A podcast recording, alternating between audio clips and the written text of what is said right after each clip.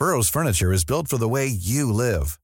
From ensuring easy assembly and disassembly to honoring highly requested new colors for their award-winning seating, they always have their customers in mind. Their modular seating is made out of durable materials to last and grow with you. And with Burrow, you always get fast, free shipping. Get up to 60% off during Burrow's Memorial Day sale at burrow.com slash ACAST. That's burrow.com slash ACAST. burrow.com slash ACAST. Life is full of awesome what ifs, and some not so much, like unexpected medical costs. That's why United Healthcare provides Health Protector Guard fixed indemnity insurance plans to supplement your primary plan and help manage out of pocket costs. Learn more at uh1.com. I'm Sandra, and I'm just the professional your small business was looking for. But you didn't hire me because you didn't use LinkedIn jobs. LinkedIn has professionals you can't find anywhere else, including those who aren't actively looking for a new job but might be open to the perfect role, like me. In a given month, over 70% of LinkedIn users don't visit other leading job sites. So if you're not looking on LinkedIn, you'll miss out on great candidates like Sandra. Start hiring professionals like a professional. Post your free job on linkedin.com/people slash people today. Veckans sponsor är Telia. Hos Telia samlar man mobil, bredband, IT-support, mobilväxel, allt som gör företagande enkelt. Och det är just det här att samla allt på ett ställe, att ha någon att vända sig till när det inte fungerar, det är Telia. Ett exempel på vad som inte är Telia, det är ju som när jag lyckas boka förmötet för en poddinspelning med Finansinspektionen till efter själva inspelningstillfället. Eller när jag här, här året var liksom, fick för mig att jag skulle börja springa, så jag är liksom ute och springer taggad, träffar en kompis som säger så du Jan, på måndag ska jag springa ett lopp. Och jag känner så här, ja men det låter inspirerande, så jag käkar pasta, jag byter om, tar mig ner till Malmö stadion för att göra en efteranmälan, står där i kön och sen så när jag liksom anmäler mig så tittar de på mig och säger så här, du Jan, vårhuset är bara till för kvinnor. Och eh, det var, det var typisk en situation som inte är Telia. Oavsett, ett stort tack till Telia som sponsrar, gör Rika Tillsammans möjligt, men framför allt tack till dig som lyssnar, följer och eh, hänger med oss varje vecka. Välkommen till Rika Tillsammans. Detta är dagens avsnitt. Bli din egen förmögenhetsförvaltare. Men idag intervjuar vi Jussu från Rika Tillsammans-communityn och eh, han kommer och hälsade på oss från Finland och vi pratar om hans synsätt eh, kring sparande, kring pengar, hur han har gjort, hur han har tänkt.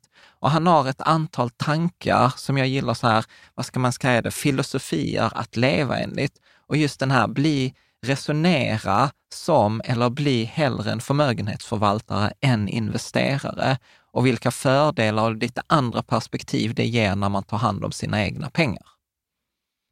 Ett alternativ till fyrahinkarsprincipen.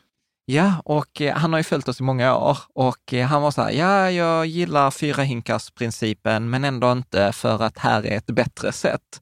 Och så har han faktiskt tagit fram ett sätt som han kallar för Total Return eh, Risk Approach, där man utgår från risk och man utgår från två ganska enkla frågor med riskkapacitet och risktolerans. Och sen räknar man ut sin riskbudget och så får man ändå en fördelning och så kan man titta på hela sin portfölj inklusive liksom med, eh, buffert för det liksom obundna kapitalet. Så att vi går igenom det och där finns en checklista tillsammans eh, i avsnittet som man kan ladda ner eh, och kolla och testa då Jussus eh, modell. Varmt välkommen till Rika Tillsammans-podden som handlar om allt som är roligt med privatekonomi och livet. Varje vecka delar vi med oss av vår livsresa, våra erfarenheter, framgångar och misstag så att du ska kunna göra din ekonomi, ditt sparande och ditt liv lite rikare. Vi som driver denna podden heter Caroline och Jan Bolmesson. Varmt välkommen Jusu Rantasalu, eller JR, i forumet. Och jag tänkte först att jag skulle göra en seriös presentation, för man ska ju vara seriös. Men sen såg jag din egen, som du skrev i forumet. Då skrev du så här, jag är en finne som försöker skriva om alldeles för komplicerade saker och ting på mitt tredje språk, vd, jurist, deltidsmusiker, finansnörd som tror på riskhantering och enkla men diversifierade portföljer. Och jag vet att du är proffs på privatekonomi och sen slutar han med så här, varför Paris när det finns Åbo? Okej, låter bekant i alla fall. tack, det är, Välkommen! tack, tack. Det är jätte, jättekul att vara här. Ja. Jag måste säga att det, det känns faktiskt ganska otroligt att vara här för att liksom eh, jag berättade om min liksom, rika tillsammans historia. Liksom, Alltså, för det var en fråga i forumet, här, hur, för, du, för du bor ju i Finland Ja, det stämmer. och du är på besök här eh, idag Ja. eh, och bor i Åbo. Ja. Så hur, hur, det var ju någon som frågade också, så, här, så hur börjar man lyssna på Rika Tillsammans Ja, det är ju eh, bra- i, i Finland? Ja, det är en bra fråga. Jag faktiskt jobbade på ett svenskt företag för fem, sex år sedan. Och liksom, och, och, som sagt, äh, svenska är mitt tredje språk. Och liksom, jag jobbade väldigt mycket med, med, med svenska människor. Och, och liksom, jag tänkte att jag måste, måste göra något med, med att liksom förbättra min svenska. Och jag började lyssna på svenska podcasts och poddar. Och, och, och, och plötsligt liksom Uh, Apple Podcast bara rekommenderade, du ska lyssna på Rika Tillsammans. Så sen lyssnade jag på Rika Tillsammans. Det, det där har ett skånskt par som pratar om räntefonder. Jag tänk- tänkte att det här är otroligt bra. Liksom. Ja. och sen, har jag, sen dess har jag liksom följt, följt er och började att uh, skriva i forumet typ Ja. för, tre år sedan. Och Ja. Och det, vi, är, och det är väldigt uppskattat för att du har ju skrivit många och vi kommer komma in Mm. på det idag. Så här, hur kan man, du tänker ju mycket kring privatekonomi och du har jobbat i, inom finans eh, hela ditt liv. Mm. Eh, och eh, vi kommer prata så här, att nya sätt att se eh, Mm. sin hörde du privat- nu vad Jussi sa? Att han lärde sig svenska genom att lyssna på Rika Nej, ja, ja, jag, för, jag, för, jag, jag, jag förnekar det. Jag vet att det är andra som också sagt det, men jag har så här, hur kan man ta liksom skånska? Det var bara en parentes, men eh, fortsätt där du var. Men, men, han, men vi skojade om det så att vi vet inte om man behåller sina R. Eh, Nej, vilka är det? Men, eh, men, men jag tänker så här, har du alltid varit intresserad av privatekonomi? Och det har jag, det har jag varit. Och, och liksom, jag, jag är liksom in, ingen proffs på området investerande eller sparande, men jag är absolut ett, ett proffs i, inom området privatekonomi. Jag har jobbat på, på bank och jag har jobbat uh, hela min karriär på, på um, kredithanteringsbolag och liksom kreditupplysningar och sådana. Och jag har också sett, gans- sett ganska mycket det när folk har tufft med, med, med sina pengar och sin privatekonomi. Och det, det är något som, som jag vill också hjälpa lite grann. Och Ja. liksom, det, jag, har, jag har varit mer intresserad av liksom fenomenet än liksom själva tekniken eller investerande och, och aktier. Jag gillar fonder men liksom, jag är inte så in, intresserad av liksom tekniska eller mattegrejer. Ja. Men vad, säger du, vad är fenomenet liksom för dig? Men, men, men ekonomin, hur kan man liksom leva ett stressfritt liv med, Mm. med, när det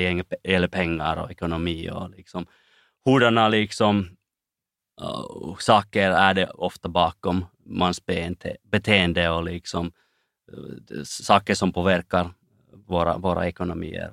Och vad är dina största så här, insikter eller guldkorn? För att jag vet just det här med att mål, för du, du skrev till mig också så här, Jan, en punkt vi måste ta upp, det är så här, målet är att leva ett stressfritt liv, inte maximera högen av pengar.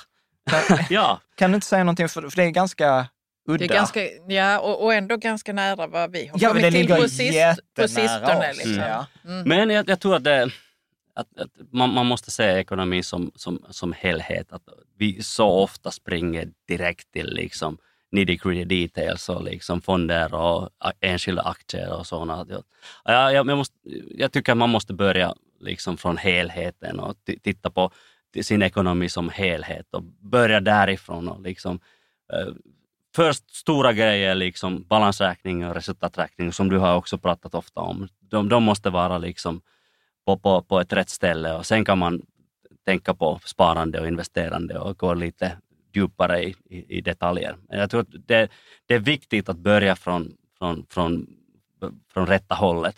Mm. Och då är det så inkomst och utgifter basic. Liksom. Att det bara det ska ligga på plats liksom, i ens liv. Exakt, och liksom först att det här är inte bara om matte och det här Nej. är inte bara om liksom teknik, utan det här gäller väldigt mycket psykologi och liksom hur, hur tänker vi om livet och liksom hurdana Mm. Kretsar är vi och liksom hur beter vi oss i de, de, de, de kretsarna och liksom hurdana val gör vi. Och Man Mm. måste börja därifrån. Och jag tycker att det är, Och, och hur, hur tänker du själv? hur tänker jag själv? Ja, precis. Alltså så här med, med, men så här, vad är viktigt i, i ditt liv liksom, i det här? Ja, jag gillar faktiskt det där uh, Ramit Setis, liksom, du kan beskriva ditt eget rikt liv. Mm. Alltså vad är mitt rika liv? Jag, jag tror det, det är att liksom hålla stress, stressen liksom ganska låg. Och, och jag, jag, I mitt jobb kan jag inte göra det alltid, men liksom, när det gäller just pengar, liksom ha, ha ganska mycket, mycket liksom utrymme där när, när det gäller mina kostnader. Och liksom, det är viktigt för mig att liksom inte keep up with the Joneses och, eller att, att göra mina egna grejer. Till exempel en del, det, det, det, kan låta konstigt, men en del av mitt rika liv är liksom att köra lite gamla, äldre bilar, men som, mm. som är i alla fall snygga och liksom kan vara, vara lite exotiska också. Men för att eh, en ny bil, jag har haft en gång en lite nyare bil och det, det orsakar väldigt mycket stress till mig. Ja, så, ja, ja, precis. Man, ja, det, kan, ja, ja, det man, kan orsaka stress, ja. Ja, vi kan Carro skratta på kan vi vara ute och körde och Carro körde på en kant och jag var så Jag körde inte på en kant, det var nära. Det är bilens skor, Jan. Ja. Men, men eh, jag vill inte eh, avbryta här nu när du var mitt inne i något. Men mm jag tänkte på, det var intressant det du sa med att fundera över vilka, vilken krets eller vilka kretsar rör mm. jag mig i mm. och hur det relaterar till ens ekonomi. För det tror jag inte att man tänker så mycket på, Nej. utan man vill alltid vara i någon annan krets. Mm. Man vill alltid vara i någon lite finare. Man vill ha sin väska, man vill ha sin bil, man vill ha det fina boendet, man vill alltid vara i den finare kretsen. Men tänk om man inte är i den, utan man är i någon annan där man, känner, man har stressfritt liv Istället för att ha stress i den där kretsen där man vill vara. Liksom. Eller, eller, eller, eller, jag skulle säga så att det, det handlar väl om så här, vi tror att grupptryck bara funkar i skolan. Mm. Ja. Men grupptryck funkar absolut som vuxna. Och, och jag tror att det är absolut. jättemycket som är grupptryck. Alltså inte minst så här media och mm. influencers. Mm. Och man ska åka på en sommarsemester och en vintersemester eller du ska ha den bilen. Eller du, du ska liksom inte resa eller du ska äta klimat. Alltså jag mm. tror att jättemycket liksom, press. Ja, Vad jag, tänker du? Ja, jag tror att ni fattar min idé helt och hållet här. Liksom. Och, uh... Men Jussi, förlåt, ja. får jag fråga då? För att det här kommer en tes som mm. jag har. Att exempel, det var ju de som har följt oss länge, vet ju, mm. för två år sedan, då var det mycket kring det där köpa ny bil. Yep. och det var en lång historia. Uh, och sen köpte vi vår Tesla och vi var supernöjda med den. Mm. Men nu känner jag att jag inte behöver en ny bil. Mm. Och nu kan jag stå emot grupptrycket mycket yes. enklare för att jag har provat det en gång. Mm. Så, och då menar jag så här, är det lite, inom situationstecken, lite fisförnämt för oss att sitta här och säga så här, nej men det, jag, kan, jag behöver inte en ny bil, jag behöver inte umgås i det där, jag behöver inte göra resa, för att vi har gjort det. Mm. Är med och vi kan tacka nej. Medan jag tror att jag hade inte autentiskt för två år sedan kunnat säga, så här, nej men man behöver inte en ny bil för jag har mm. aldrig någonsin i livet köpt en ny bil. För, för, för, förstår du hur ja, jag tänker? Jag, jag, kunde säga att det var jätteviktigt för dig. Jag, ja, ja, ja, vi, vi faktiskt skrev om det ja. mellan, mellan du och jag. Liksom. Det, jag, jag, kunde säga att det var, det var jätteviktigt för dig. Jag, jag, jag fattar vad du menar, men jag, jag tror att ni, ni har också fattat liksom, min ideologi här ganska, ganska bra. Mm. Du har förklarat den bra. Ja. Tack, ja, tack för det. Faktiskt gjort. Nej, ja. Men, och, och, sen tycker jag också det, det är jätteviktigt att liksom hitta de sakerna som är, som är jätteviktiga för, för, för, för dig själv. För, för mig är det till exempel musik och liksom, uh, liksom det svider inte att liksom använda pengar till musikprylar eller, eller, eller jag gillar bra mat eller bra vin. Men sen finns det några andra grejer där jag, jag, behöver inte visa eller bevisa något till någon. Jag tycker mm. att det är skönt att liksom leva sitt, sitt eget, eget liv. Exakt, ja. eget rika liv. Ja. Mm. Men, men just så är det också så här, för att nu är vi alla här 40 plus. Mm. Är det en 40 plus-sak? Alltså är det en sak som kommer med åldern eller med erfarenhet? För jag upplever att det är mm. mycket lättare ju äldre jag blir. Jag vet inte vad ni mm. säger. Jo. Ja, det kan, det kan vara så. Jag, jag, du, du, du sa det där grupptrycket. Ja. Och jag, det, det, det, behöver inte vara bara grupp idag. Det kan mm. också vara keeping up with the Instagram. Ja, ja, liksom, ja, gud, ja. Det grupptrycket kommer från hela världen faktiskt, ja. inte från dina egna, egna kretsar. Ja, som, som det absolut. som, Absolut. var- som var det för, förut. Ja, och, och inte minst, du vet också forumet, alltså det, tyvärr så händer det rätt ofta att det kommer en kommentar som var så här, jag trodde jag hade ett bra sparande, en bra lön och sen läste jag i forumet, punkt, punkt, punkt. Mm. Liksom. Och jag sa så här, där är ju en tråd i forumet som är så här berömd nu, som är så här, vad har du, vad har du i lön? Och där kan jag säga, oavsett vilken lön du är, du har, så Mm. kommer du få dåligt samvete. Eller dåligt självförtroende. Mm. För att man har hela tiden, man tror hela tiden att man måste nästa steg. Men jag tänker så här, en annan sån här punkt när du sammanfattade lite din investering, så var så här, investerande är en dålig hobby. Ja, Kan du, kan, du, kan du inte säga någonting mer om det? absolut. Liksom, uh, liksom investerande, det är faktiskt ofta ganska stressande. Det är liksom, särskilt nu när det är lite rött på börsen. Ja. Liksom, vi just pratade att vi har inte kollat Vi har inte kollat på precis, Jussi, sistone. Jussi frågade mig innan vi gick ner så här, vi kanske ska kolla hur börsen har gått. Precis, när kollade du börsen sist? Jag bara så här, alltså jag vet inte, kanske två veckor sedan eller något sånt. Exakt. Ja. Ja. Vilket är ganska skönt, för då är vi Det är nere på det där stressfull, att det är inte Exakt. så stressigt, behöver Nej. inte. Medan vi har andra i forumet som är så här, Mm. klockan, eh, jag tror vi hade igår kväll, så här, klockan 00.30, så var han så här, ja nu är det AC72, så jag sa, ja nu är det bara en och en halv timme till den japanska börsen öppnar, Ja. så man kan kolla på sina siffror. Nej. Och, liksom, Nej. och jag var så här, nej, inte Ja, för jag mig. inte Jag måste berätta det. lite om, om min, min farfar. Ja, Jag älskade honom väldigt mycket och liksom, han hade jobbat som fan hela, hela sitt liv och hade ganska bra ekonomiskt. Liksom, han var polis och ing, ing, ing, liksom fancy, inget fancy jobb men uh, ha- hade kunnat spara och liksom, eh, han började investera på, på 90-talet. Och jag tittade på honom och, och, och tänkte att liksom, det där är inte cool. Liksom, eh, han, han, han sover dåligt ibland och liksom, det är ingen, ingen, bra hobby. Som vi har pratat tidigare, Ja. jag har aldrig någonsin ägt en enskild aktie. Och jag, jag tror att jag kommer inte göra det någon, någon gång. Liksom. Och jag, jag tror att det, det är på grund av vad, vad, vad jag såg när det gäller min farfar. Och, och liksom. Men jag tycker att hobby ska, de, de ska vara roliga, de ska vara avslappnande. Och, jag, och vad, vad är investerande faktiskt? Det är att liksom sitta vid datorn och liksom kolla på siffror. Och liksom, jag tror att vi måste ha bättre hobbys än det. Eller, Mm. eller hur? Och jag, liksom, jag älskar den där teorin av alternativa kostnader. Du pratar om Ja. dem också ibland. Och liksom, om man tänker på investerande och, och, och liksom hur mycket man kan man liksom spendera tid på det. Vad om du spenderar all- alla de timmar på din hälsa?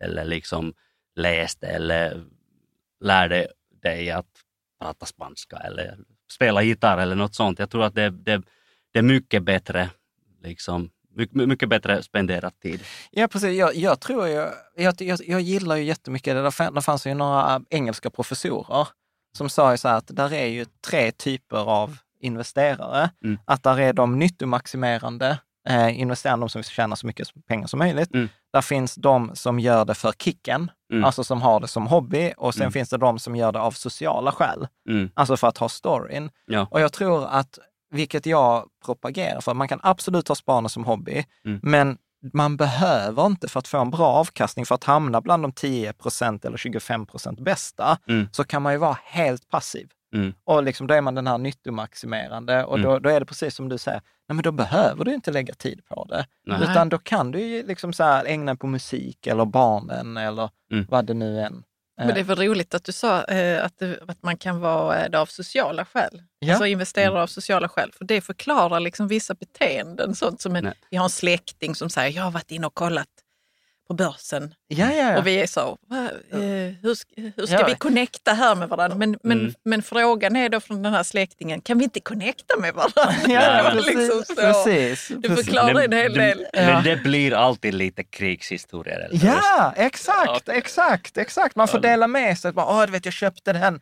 Och, du vet, och det roliga är att för de personerna ofta, nu lite generaliserande, Mm. det spelar ju inte ens någon roll om det går upp eller ner, för du har historien Mm. oavsett. Mm. Mm. Så att man kan ju till och med så här berätta om så här, ah, jag förlorade så mycket och det var ett skitföretag eller vad det nu kan vara. Mm. Men, men det roliga är ju just så att du är ändå en ganska sofistikerad, trots att du säger så jag har inte, jag har inte ägt någon enskild eh, aktie, Mm. jag eh, liksom ägnar mig åt musik etc.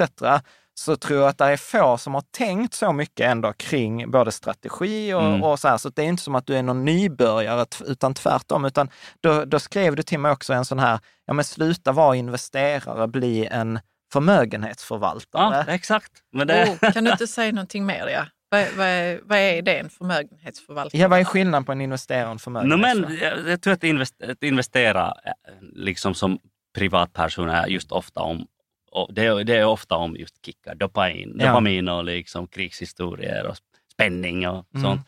Och när, när man tänker om, om du jobbar som förmögenhetsförvaltare så är det liksom då, då, det, då, då gäller det in, inte någon tävling. Utan Ja. liksom, det, det är liksom dina, dina peng- pengar och liksom hur ska du liksom uh, managera dem på bästa sättet liksom framöver på ett enkelt, balanserat och, liksom, och ett särskilt känslomässigt liksom hanterar, hanterbart sätt. Mm. Jag Och, precis. Mm. Jag, jag, jag tänker så här, alltså det som jag gillade med det, Mm. när du skrev det till mig, så tänkte jag så här, ja det är som att jag har outsourcat mina pengar till någon som ska förvalta dem. Och då är det som du säger, jag vill tusan inte att han eller hon ska få några kickar med mina pengar. Eller hur?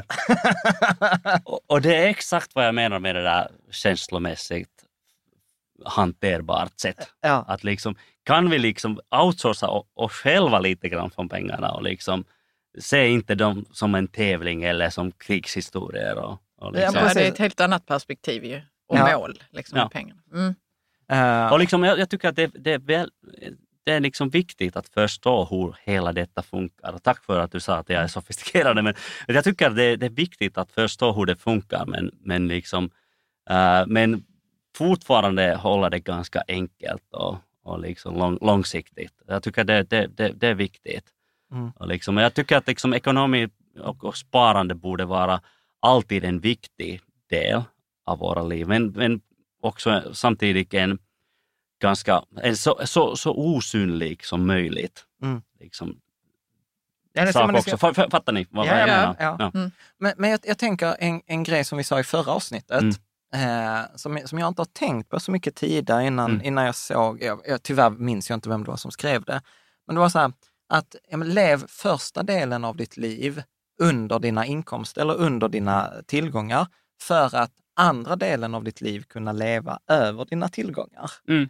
Eh, och jag, jag tyckte det var så fint, för då var det så här att okej, men första delen av livet så jobbar jag för mina pengar. Mm. Att det, och sen så kan jag liksom andra delen av mitt liv njuta av de pengarna och att pengarna jobbar Mm. eh, för, för mig. Exakt. Ja. Och, och, och, då, och, och i samband med det så pratar vi också att den största avkastningen som inte syns på pengar Mm. är ju tid.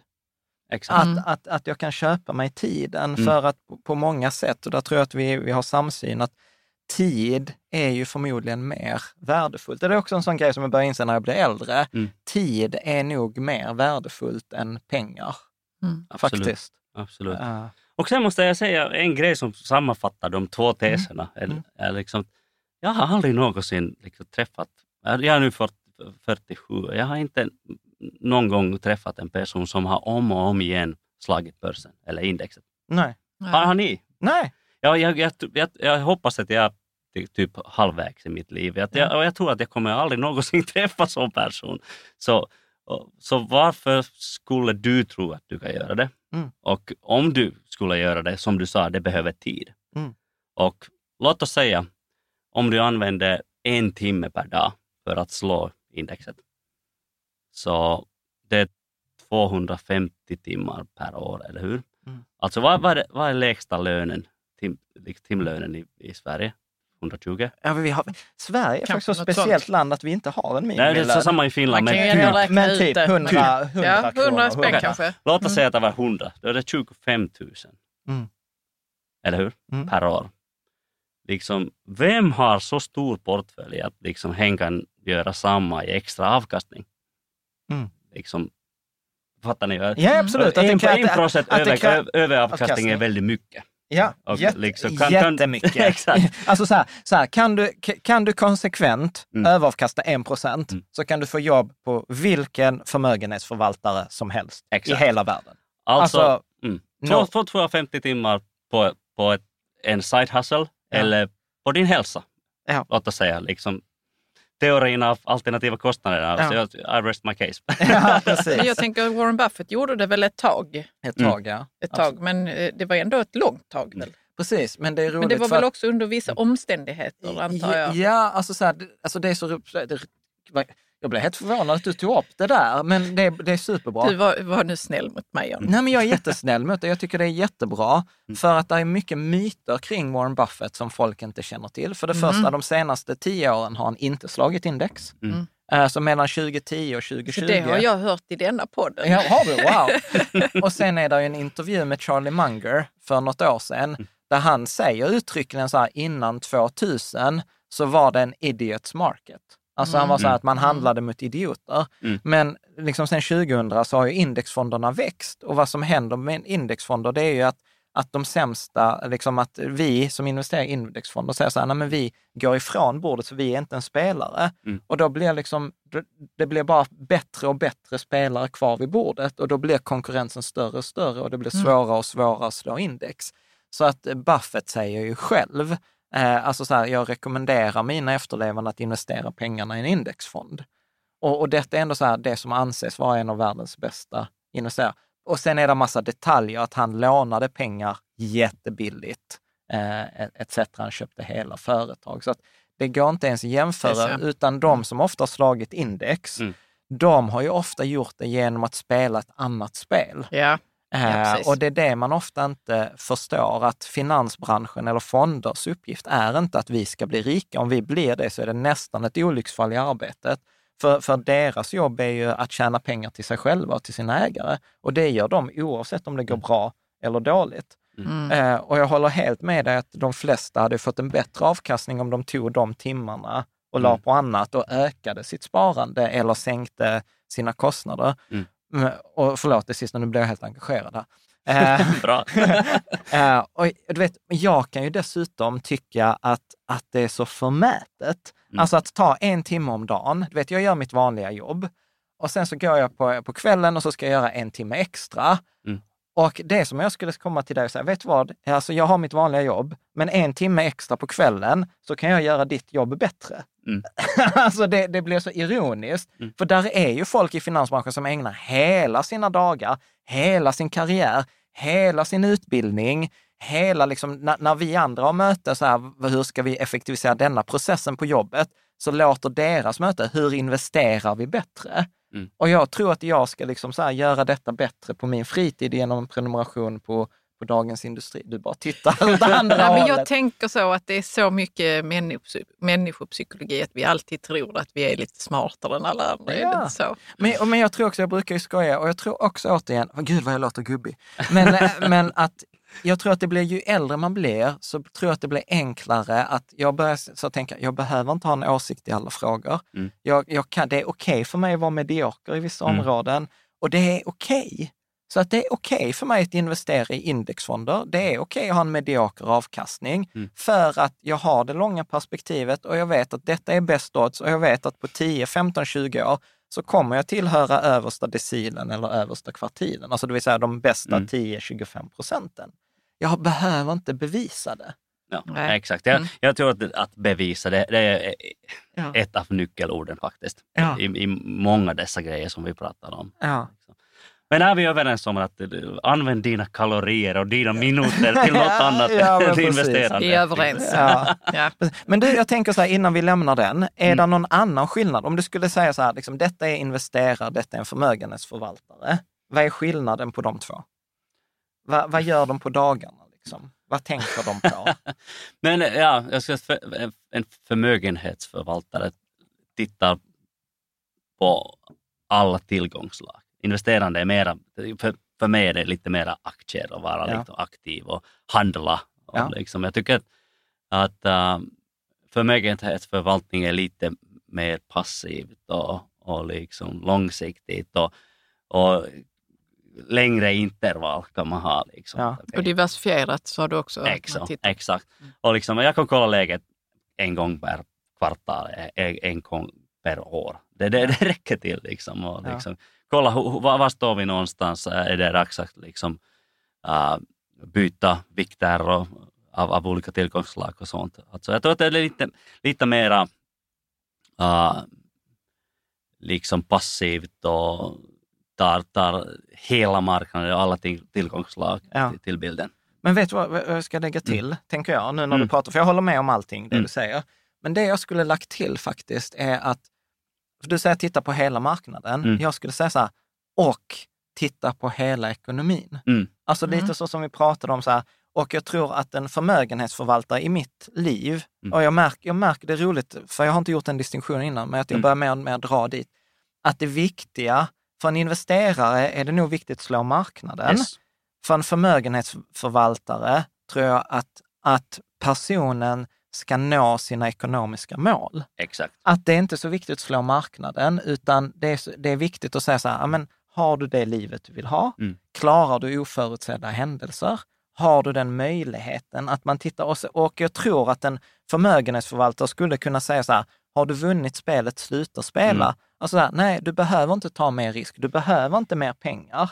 Yes. Medan jag tror att en investerare kommer aldrig säga så här, jag har tillräckligt Mm. med pengar. Eller Ja, jag har tillräckligt med avkastning. Exakt, det är alltid lite konkurrensdrivet. Ja, att det, är- att det är precis. Ja. Eh, Men, Ja, eh, blir- men när jag- du sa så att man, att man då som förmögenhetsförvaltare är mer passiv och så, så tänkte jag så, ja, om man har diversifierat, då är man ju också kanske säker på att man behöver inte, man har, risken är inte för hög. Liksom. Mm. Så man behöver inte hela tiden hålla på och mecka med eh, förmögenheten. Liksom, Ja. För att Mm. den ska, man är kanske osäker. Och så. Ja. Kanske är mer säker? Mm. Eller? Ja, ja, Skulle man kunna vara? ja, ja, men jag tycker att Beck är bra sammanfattat. Ja, Liksom. ja, men jag tror att man är mer trygg. Ja. För, det, för där är det också roligt, för vad, vad är det du sa, vi kanske kommer till det senare, men Mm. vad är det du har? Du investerar alla dina pengar typ i tre fonder, fyra fonder. Ja, typ, ja. Ja, men typ. Det behövs Det inte. skönt, Det behövs. Och, och, jag, Enkelt. ja, och jag påstår ju lite samma sak, att i en privatekonomi, om man liksom skalar bort all onödigt, du behöver, liksom, du behöver två bankkonton, ett lönekonto, ett buffertsparkonto och sen en aktieindexfond och eh, sen behöver du kanske någon olika räntefond. ja jag Nej. håller helt och hållet. That's it. Det, beh- det behövs på riktigt inte mer. Nej. Nej. Eh, att, att lite så här, för jag tror också, sa du inte, skrev du inte något så här att det ska vara enkelt? Det var inte Ja. det finska sättet. Nej, jo där. Ja, det- Gör, gör det så enkelt som möjligt. Men eh, jag tror att det där är, jag tror, tror det har också liksom två sidor av myntet. Liksom. Ja. Att, att för, för, först och främst försöka att, att hitta ett ramverk som är, som är enkel. Liksom. Vi kommer att prata om total Return. return approach idag. Och, liksom, och där behöver vi just inte mera än tre, fyra instrument. Mm. Och, och det kommer att vara good enough som du ofta säger. Ja. Och liksom, man kan alltid försöka optimera och liksom försöka hitta nya, sak, nya saker, nya grejer, nya ingredienser. Men troligtvis kommer de, de enkla instrumenten, de enkla ingredienser- ing- ingredienserna vara, vara liksom tillräckligt bra. Ja. Och, eh, och sen en annan grej är just att använda enkla produkter. Ja. Som du sa, liksom, sparkonto, räntefond, indexfond. Och det kan vara jätteenkelt att köpa hedgefonder. Ja. Eller, eller liksom, men de på andra sidan använder ganska komplicerade lösningar i sig. Ja. Och liksom, du kommer bara troligen förlora pengar då. Ja. Och, jag, jag måste säga att jag, jag tänker lite samma när det gäller liksom blandfonder och fondrobotar. De är ganska röriga. De, de, har ganska mycket olika fonder i dem och liksom, Ja. jag är inte helt säker, behöver vi dem? För att liksom de fyra kommer att vara tillräckligt bra, good Ja. enough. Ja, Så. absolut. Så, Eh, nej, så men, men, keep it simple. ja. men jag tror ändå vi måste ta den diskussionen, för att jag tror annars kommer lyssnarna vara så här, Åh. Eh, nej, men jag, jag, kan, jag kan hålla med, men jag gillar ju fond, om, om jag ska vara så här, jag Mm. gillar ju fondrobot, eh, att jag gillar Lysa, inget konstigt. Mm. För att om vi tar den här upplägget då med sparkonto, buffertkonto, räntor och Mm. aktier, så för någon som är ny, så påstår jag, där löser ju Lysa 3 och 4. Du kan Mm. ha buffertkontot, du kan ha aktierna och du kan ha räntorna. Och det är good enough. Ja, är, är, är, är, det perfekt? Nej, det Mm. är det inte. Men det är good enough.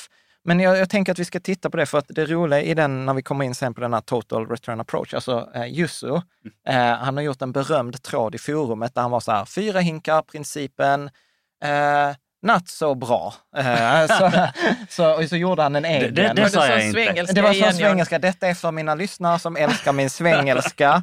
Eh, Så denna, det var en bonus eh, till er, man ska vara seriös. Eh, Det, det, faktiskt, det sa jag inte. Okej. Jag, sa, jag, sa, jag sa att jag vill ge ett alternativ. Absolut, absolut, eh, absolut. Men du, jag tänker eh, om vi ska Så vi ta... går in på det sen då? Om en liten stund, eller? Ja, men vi kan, Eller ja, men, ja, vi kan, vi kan ta nu direkt. Ja. Mm. Så kan, eh, eh, men nej, vi måste ta en fråga till. No? För, för vi sa så att man ska hålla det enkelt. Mm. Du vet när det dyker upp sådana här grejer som till exempel krypto Mm. för, för två år sedan, eller f- äh, två år sedan, fem år sedan. Hur tänkte du då? Tänkte du så, åh, ungdomar? Eller vad Ja, tänkte- lite, lite så för att vi börjar vara lite kubbiga. Ja. Men uh, jag tänkte not, not again. Det var faktiskt min liksom, första reaktion. Ja. liksom, Men Nej, känner det- du också så att när man har varit i finansbranschen länge, att det är samma grejer som kommer om, men att det bara är olika generationer? ja, ett, olika liksom, paket. Ja, ja. Vi Men, har, men det gör ju också att man känner så att nu är det något nytt. Mm. Detta kommer förändra saker för alltid. ja, men, Nu, och, och, det, och krypto marknadsfördes ju, eller pratades om Mm, på det ja. sättet att nu kommer vi kunna göra helt andra saker i vår ekonomi. ja. Så det är inte konstigt att folk tyckte så. Mm, ja. Spännande ju. Absolut. Men, Mm. det, men det är så skillnad på krypto. Alltså återigen, som jag tror krypto som användningsområde och sen krypto som spekulation. Ja, Exakt. men Det- De mergade där och man Ja, tänkte så, jag är en del av framtiden Ja, men nu. exakt. Det, det, exakt. det, det är lite kons, kons, konspiration där. Liksom. Ja. Att, liksom, det, det, där, där finns en teknologi som kan, som kan vara Jättebra. jätteanv- ja, användbart i, Ja. i framtiden. Men, tänker på den blockchain-tekniken. Till exempel. Exakt. Ja. Exakt. exakt, Men- men liksom, det finns ingen business där. Ja. Liksom.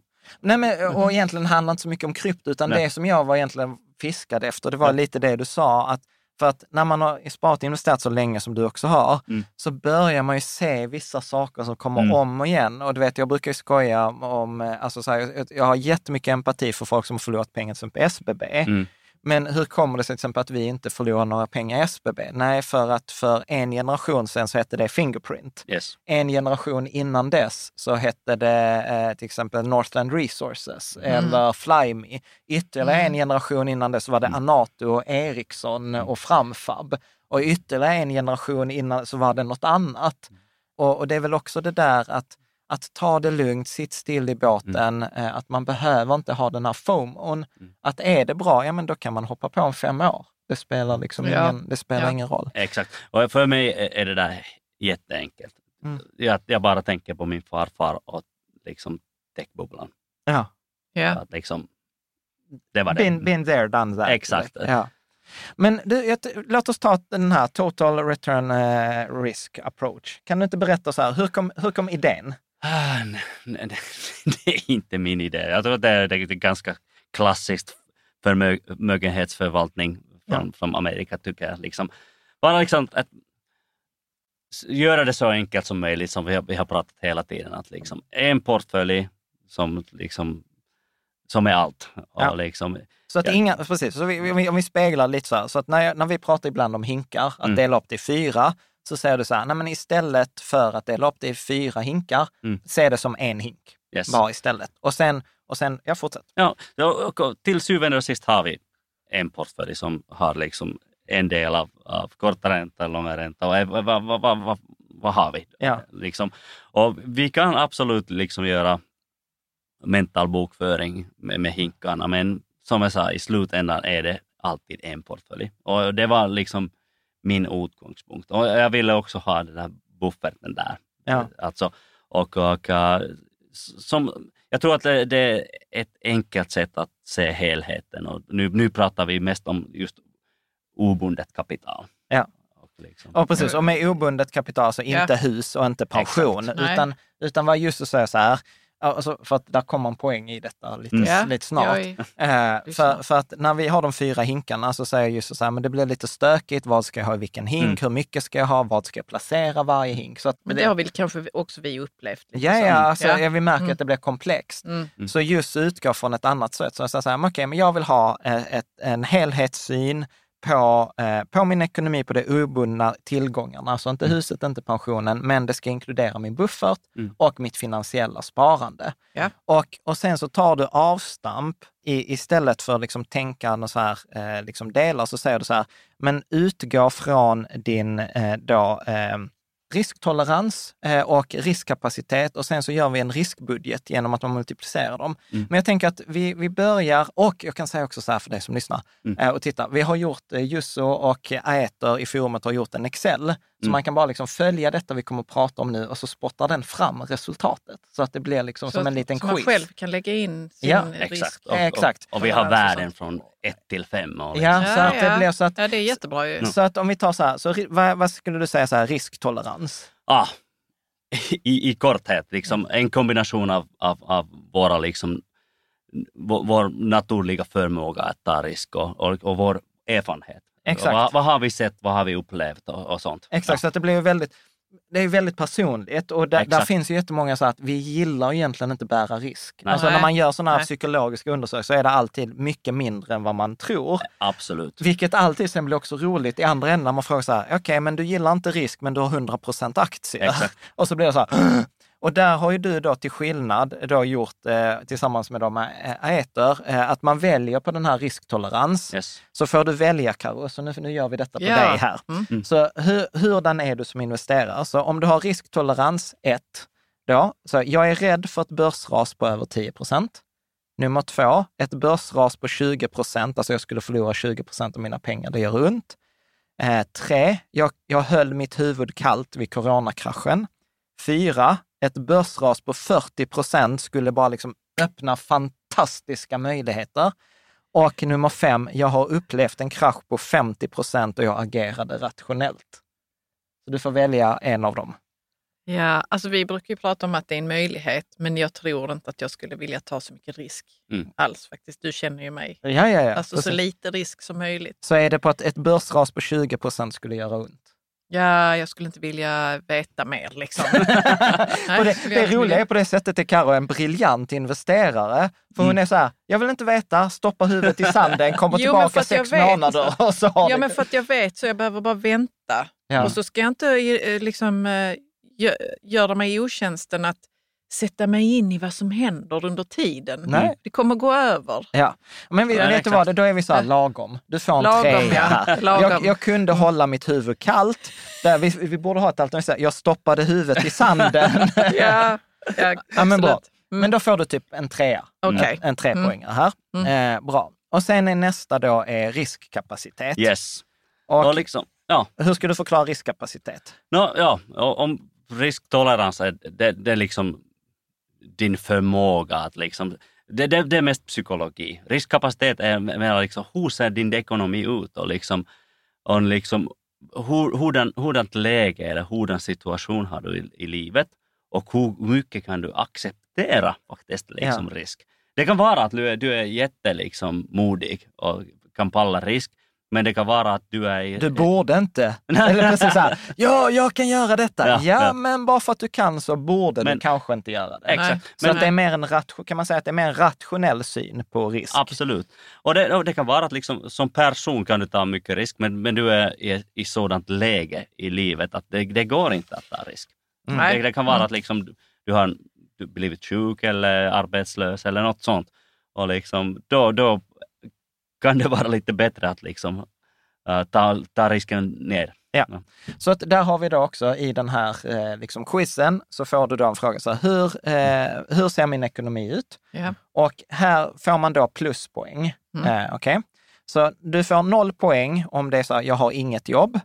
Ett poäng om du har ett jobb och två poäng om du har ett fast jobb med bra arbetslöshetsskydd, alltså a-kassa, inkomstförsäkring. Och där får du inte välja att du har ett jobb och det är så. att Du väljer Nej, bara en, bara av, en dem. av dem, ja. Okej, Mm. Så antingen noll, ett eller två poäng. Mm. Så vad skulle du säga? Eh, Jag har ett jobb med arbetslöshetsskydd. Ja, så då får du Ja. plus två. Mm. Ja, och sen är nästa. Jag har utbildning och professionella kunskaper som, gäller, som är, liksom funkar på arbetsmarknaden. Alltså att jag har högt humankapital. Ja, det tycker jag. Okej, bra. Så då har du tre poäng. Jag har inte uppnått hälften av mitt mål för FIRE eller pension. Jag har uppnått det. Ja, okej, Ja. då får du inget poäng. Mm. Jag är under 55 år eller över 10 från min pensionering FIRE. Here's a cool fact a crocodile can't stick out its tongue. Another cool fact you can get short term health insurance for a month or just under a year in some states. United Healthcare short term insurance plans are designed for people who are between jobs, coming off their parents' plan, or turning a side hustle into a full time gig. Underwritten by Golden Rule Insurance Company, they offer flexible, budget friendly coverage with access to a nationwide network of doctors and hospitals. Get more cool facts about United Healthcare short term plans at uh1.com.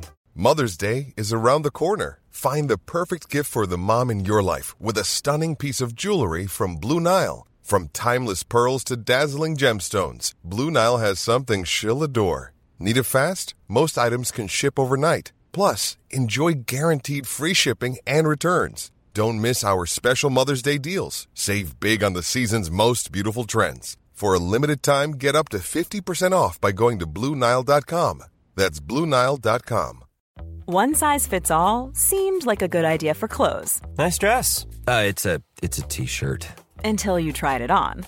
Same goes for your healthcare. That's why United Healthcare offers a variety of flexible, budget friendly coverage for medical, vision, dental, and more. So, whether you're between jobs, coming off a parent's plan, or even missed open enrollment, you can find the plan that fits you best. Find out more about United Healthcare coverage at uh1.com. That's uh1.com. Eh, förlåt. Jag är under 55 Ja, jag är år. under 55 ja. Ja.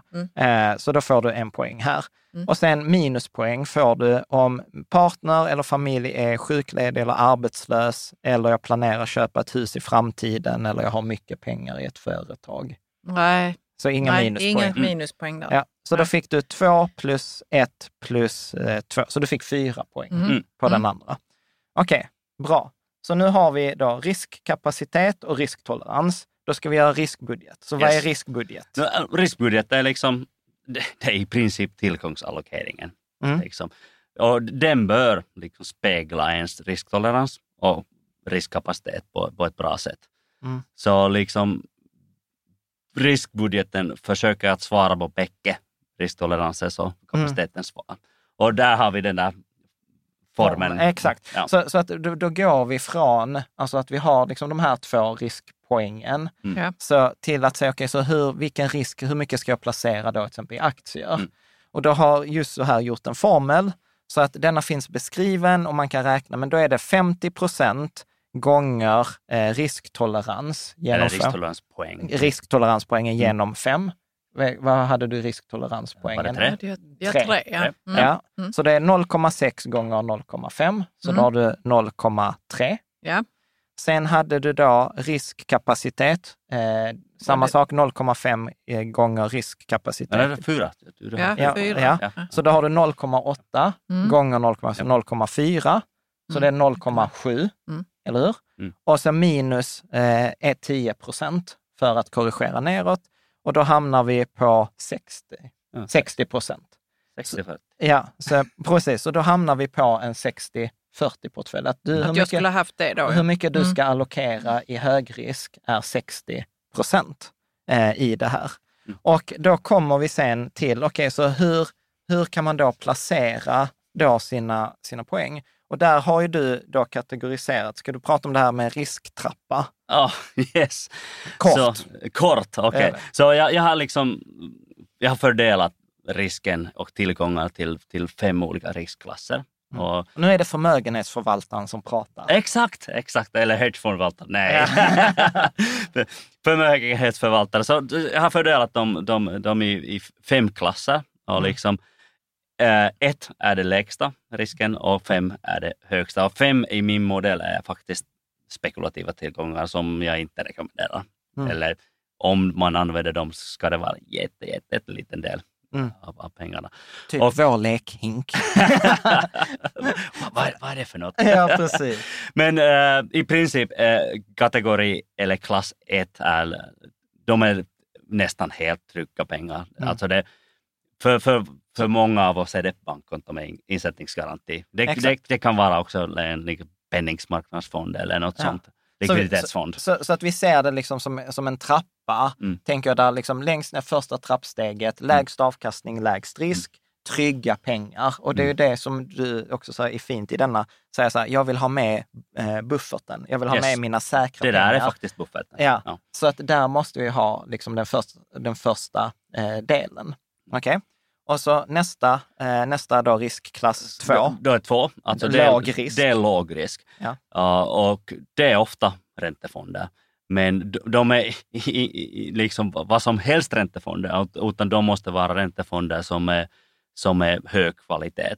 Alltså medellånga stats och företagsobligationsfonder Mm. som, som är bra kvalitet. Alltså in- inga high yield eller sånt, utan det, det, det bör vara, vara ganska trygga, Mm. trygga äh, Så som, fonder. så som vi pratade om avsnittet 317 om räntor, så sa vi så här, vi vill låna ut till den du, kompisen som alltid betalar tillbaka Yes. eh, och relativt låg ränta eftersom det är tryggt på och kort tid. Så trygga, trygga räntor. Men där får man ränta och durationsrisk Ja. i alla fall. För att liksom i kategori 1 finns det typ inga risker. Ja. Så, så först är ju noll risk. Men det är den största risken är att avkastningen Ja. kan vara låg. Ja. liksom. Vilket är en risk. Ja, som absolut. förmögenhetsförvaltare, Mm. återigen om vi tittar på det som förmögenhetsförvaltare, om du har för låg avkastning så kan det ju hända att din klient Mm. inte får ihop tillräckligt Exakt. med pengar för att kunna nå sina ekonomiska Ja. mål. Ja. Så att det är, för många ser inte det ibland som en risk. Karo, du ser... Det är lite så, ska jag, ha, ska jag ha så låg risk alltså, i mitt sparande? Vi har ju pratat om att man ska ha mycket fram till 55. Ja, ska vi Det göra... är lite förvirrande. Ja, men ska, ska, ska, bra. Vi kan också säga så, i den här Excel-filen, när du har matat in detta, Mm. så får du ju det här förslaget. Du borde placera då så här 60 procent, nu, nu har vi inte gjort det på Karo här för vi gör det live, men jag skulle säga att då blir det liksom 60 procent som ska in i hög risk eh, och, och sen blir det väl låg risk och trygga pengar. Mm. Att du får fördelning mellan de här olika trappstegen, Mm. vad du ska välja.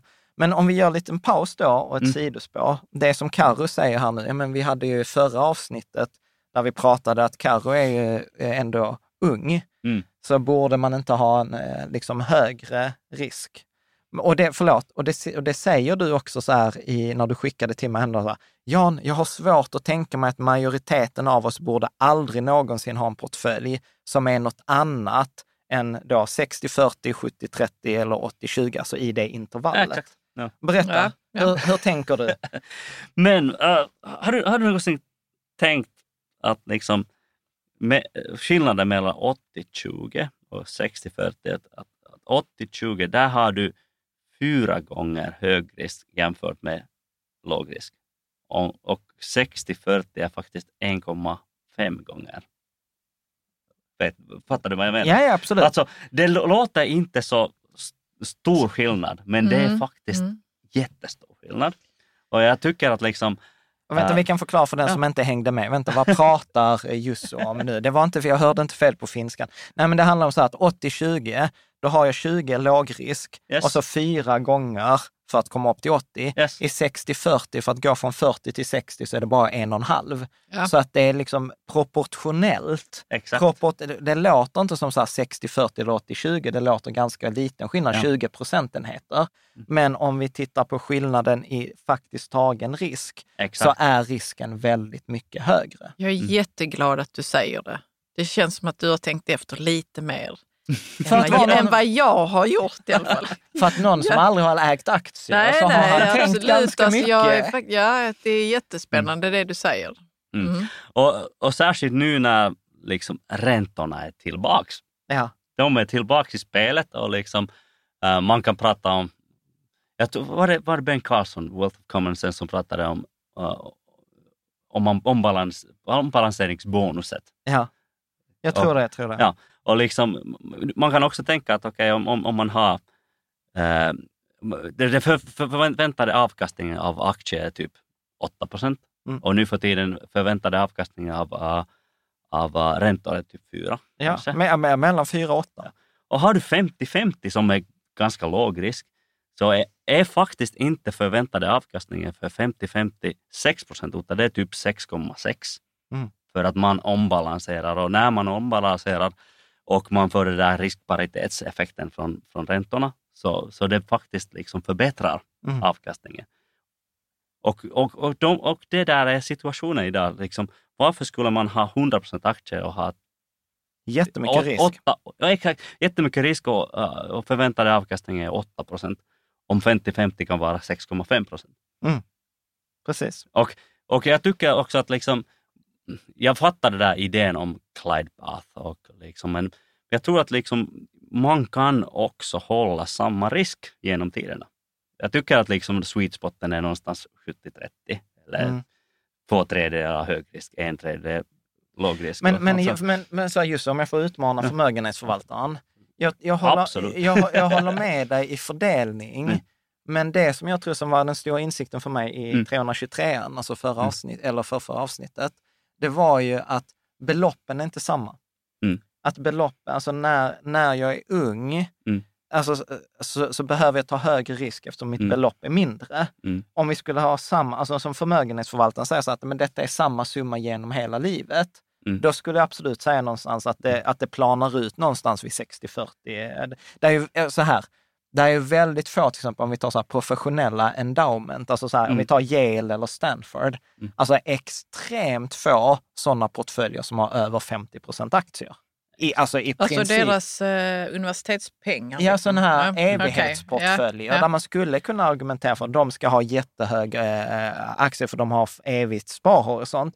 Ja, sen har de för sig avkastningskrav och de ska ge pengar till universitetet. Men jag, ty- jag har ändå i många år tyckt att det är så fascinerande att många av de här stora stiftelserna, så här, de har ganska låga aktieandelar, medan vi i Sverige i alla fall Mm. är så här, alltså har du inte 100 procent aktier så är det nästan fel på dig. H- hänger du med? Ja, ja, absolut. Vi har pratat mycket om det på sistone, men det skulle vara kul att veta var, de, Mm. var det kommer ifrån, att de vill ha så låg risk. Liksom. Ja, bland annat av detta så tror jag som För att de Jussi har en, säger. eh, För- för- ja, ja, och, ja, precis. Och deras mål är kanske inte maximera avkastningen, utan deras mål är ju att uppfylla på de målen som universitetet då i detta fallet har. Och jag tror att vi borde kanske oftare också ställa oss frågan som Jussi säger så här, ja men vad är, vad är mitt mål? Mm. Och, och, och, och förlåt, förlåt, förlåt. Ja, och du säger tydligt så här, men mitt mål är att leva ett stressfritt liv. Mm. Då kanske liksom så här, att ha massa aktier, det gör det inte stressfritt. Nej. Nej. Nej. Och jag, jag, jag håller helt, och- helt och hållet med om vad ni säg, sa i, i avsnittet eh, 323. Med, och liksom matematiskt har ni helt och hållet rätt, men känslomässigt funkar det inte. För att liksom, jag tror att det finns inte någon som kan liksom eh, använda för, eh, vad, vad, vad, det där hävstången. Hävstången. Två gånger hävstången. När, när man är, precis, Ja. alltså jag tänkte också på det så här, alltså detta låter sjukt bra, men i, i praktiken, alltså så här, du ska ge de här pengarna till någon som är ny på marknaden, belåna det och så säga så här, du vet, Mm. ja men alltså de första, alltså du vet jag, jag skäms ju hur jag var de första 15 åren som investerare. Mm. Alltså jag vet, jag hade ju inte gett, gett mig själv några större summor pengar. Eh, att, att, ja, vi behöver inte ens gå in, men att du och jag lånade pengar för att investera. Då, det är Ja, här vi mind- tyckte det var bra. Mindblowing. Ja. Men det där 80-20 till 60-40, jag tror Ja. att det där, det, någonstans där är sweet spoten. Som, Något som man kan göra eller köra hela sitt liv. Ja. och det, Ja. det är li- liksom min poäng. Och det är liksom aggressivt nog, Mm. men försiktigt nog för, för majoriteten av oss. Ja. Och jag, jag tycker att liksom nya rika till samma standard, det borde vara 70-30. Ja. Helt ärligt. Liksom. Ja, vad spännande. Men ja. jag tyckte också om det du sa om räntor, att det Mm. ska inte vara någon high yield utan att det måste vara kvalitet Exakt. och väldigt stabilt. Man kan ha high yield, men Mm. då är det hög risk. De- Ja, jag, jag, får såna, jag får jobbiga känslor av high yield. För vi Mm. har ju pratat om det tidigare. Som Ja, men att det är ju gillar- den kompisen som typ förmodligen inte kommer att Men den betala kom, tillbaka. Absolut. Men det är så här, och så om vi har de där tre kompisarna, för nu kommer vi till risktrappan. Mm. Så Karo, om, om, om, om riskklass nummer ett är kompisen som garanterat betalar tillbaka, det är till och med så här, hans föräldrar garanterar att han betalar tillbaka, så det är ingen risk. Mm. Sen har du lågriskkompisen, är du med? Sen kommer riskklass 3, där, där jag gissar att de här high yield hamnar i. Så det är kompisen som är lite så här, oh, liksom så här, vet inte om betalar tillbaka så vi får hög ränta, men generellt ändå betala tillbaka efter någon gång. Den, den där basisten. Den där basisten, är, precis. Men sen kommer ju aktier. Och i denna metafor så blir ju, det, det är ju kompisen som är så här, "Woo!" du vet, så här ho, du vet hoppa fallskärm, nu tittade katten på oss, Ja, hoppa jag vet fallskärm och du vet så här, jag packar den själv, jag vet inte om den vecklar ut. Mm. Så även den kompisen är ju ändå bättre än aktier. Ja, du har en poäng. Det är, ja. mm. Så, så att bara för att den är, vi kallar det liksom dåligt, så är ju liksom risken i high yield-fonder är ju fortfarande lägre än den är i aktier. Och det glömmer man lätt bort. Ja. Jag, måste säga, jag har inget emot high yield, men man måste bara fatta att, att det är hög risk. Och det, det, det, det, den tillhör inte i räntedelen. Nej, liksom. Nej. Utan Nej. När man tänker på till exempel modern portfolio theory, Ja. där, där är räntor liksom lågriskräntor, Ja. hög kvalitet. Och, och high yield är mera som, som Ja, men klass ersättning, 3 som ersättning, precis, ersättning för aktier. Det är ju superviktigt Ja. att säga. High yield är istället för aktier. Det är inte istället för andra räntor. Och, Nej, nej. Och, och, och, Mm. och det är precis som du säger, det som är, alltså jag har ju sagt det så många gånger, men Mm. man tror ju att aktier är eh, liksom det svåra, Mm. men det är ingenting mot räntor. Mm. För att till exempel bara high yield, alltså svenska high yield hade jag inte tagit i med tång, för det är så här 70 procent fastighetsmarknad, vilket så här kan Mm. gå precis hur som helst. Där är liksom likviditet på det. Förr tyckte man nog att det var ganska så Ja, ja, ja, eh, men, liten risk. ja, ja precis. Men, nu. utan det ska återigen ska vara globalt, eh, etc. Mm. Men, men jag tycker ju att det är lättare att förstå aktier, precis Mm. som du sa att det kan vara svårare att, att förstå räntor. Men jag förstår ju den typen av räntor som du pratar om Mm. just eh, mycket mer än jag förstår sån här eh, där man har satt ihop eh, olika företagslån och det är inte säkert att de företagen kommer att betala tillbaka och så kallar vi det high yield för att det låter ju bra att det är Mm. yield liksom. Men, Eh, men, eh, men, Så för mig är den här high yield den är komplex. ja. Men, eh, men eh, vad heter det, sådana obligationer som... Men det är också så här, Karo, det kan också vara kombinationer. Vänta lite. Vad, vad kallas sådana där man lånar ut pengar till staten? Just, äh, st- Investment grade till exempel. nej, Ja, stat, det- statsskuld. Ja, det fattar jag. Det är ju enkelt att förstå. Ja. Ja. Men, men jag tänker så här, här behöver man å, å, återigen, alltså så här, det, det, nu, vi, nu gör, det känns det som att vi gör det lite mer komplicerat än vad det egentligen är. Mm. Utan du behöver, liksom, om vi skulle ta de andra stegen i, i, i, i den här trappan, så risk, första trappsteget är så här, det är trygga pengar, det är bankkonto insättningsgaranti. Steg nummer två, det är låg risk, det är alltså så här, eh, säkra räntepapper, säkra eh, liksom, och, och där i, i den här Excel-mallen så har vi också så förslag på liksom typ av fonder som man kan titta Ja. på. Ja. Men det fina här är också så här, detta är, man ska inte sluta, till exempel om man har Lysa behöver man inte spara, sluta med Lysa, för att tvärsnittet hjälper en fondrobot med. En med. Mm. Detta är bara ett, liksom ett annat sätt på att se på det. Och det fina här är att gör man fyra hinkar-principen eller man använder Jussus av de här stegen, så hamnar man på ganska samma ställe. Ja, jag så att alla, all, lite, det är lite så här, alla vägar leder till rum. Ja, fast eh, det Fast känns ändå ju- som vi pratar om något annat här idag. För jag Ja. gillar det som du säger just som att det ska vara enkelt. Ja, Ja.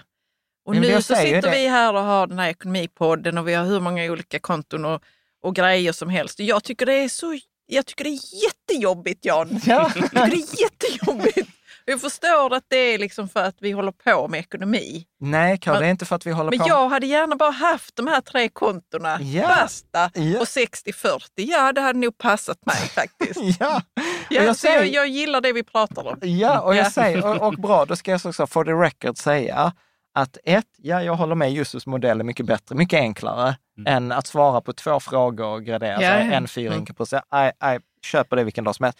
Och sen Karo, det är inte för att vi håller på med pengar, det, håller, det är för att vi har varit på alla jävla ställen och man kan inte avveckla allting, utan det är så här, vissa pengar, ja, de sitter där Mm. och då kan vi inte stänga ner det kontot.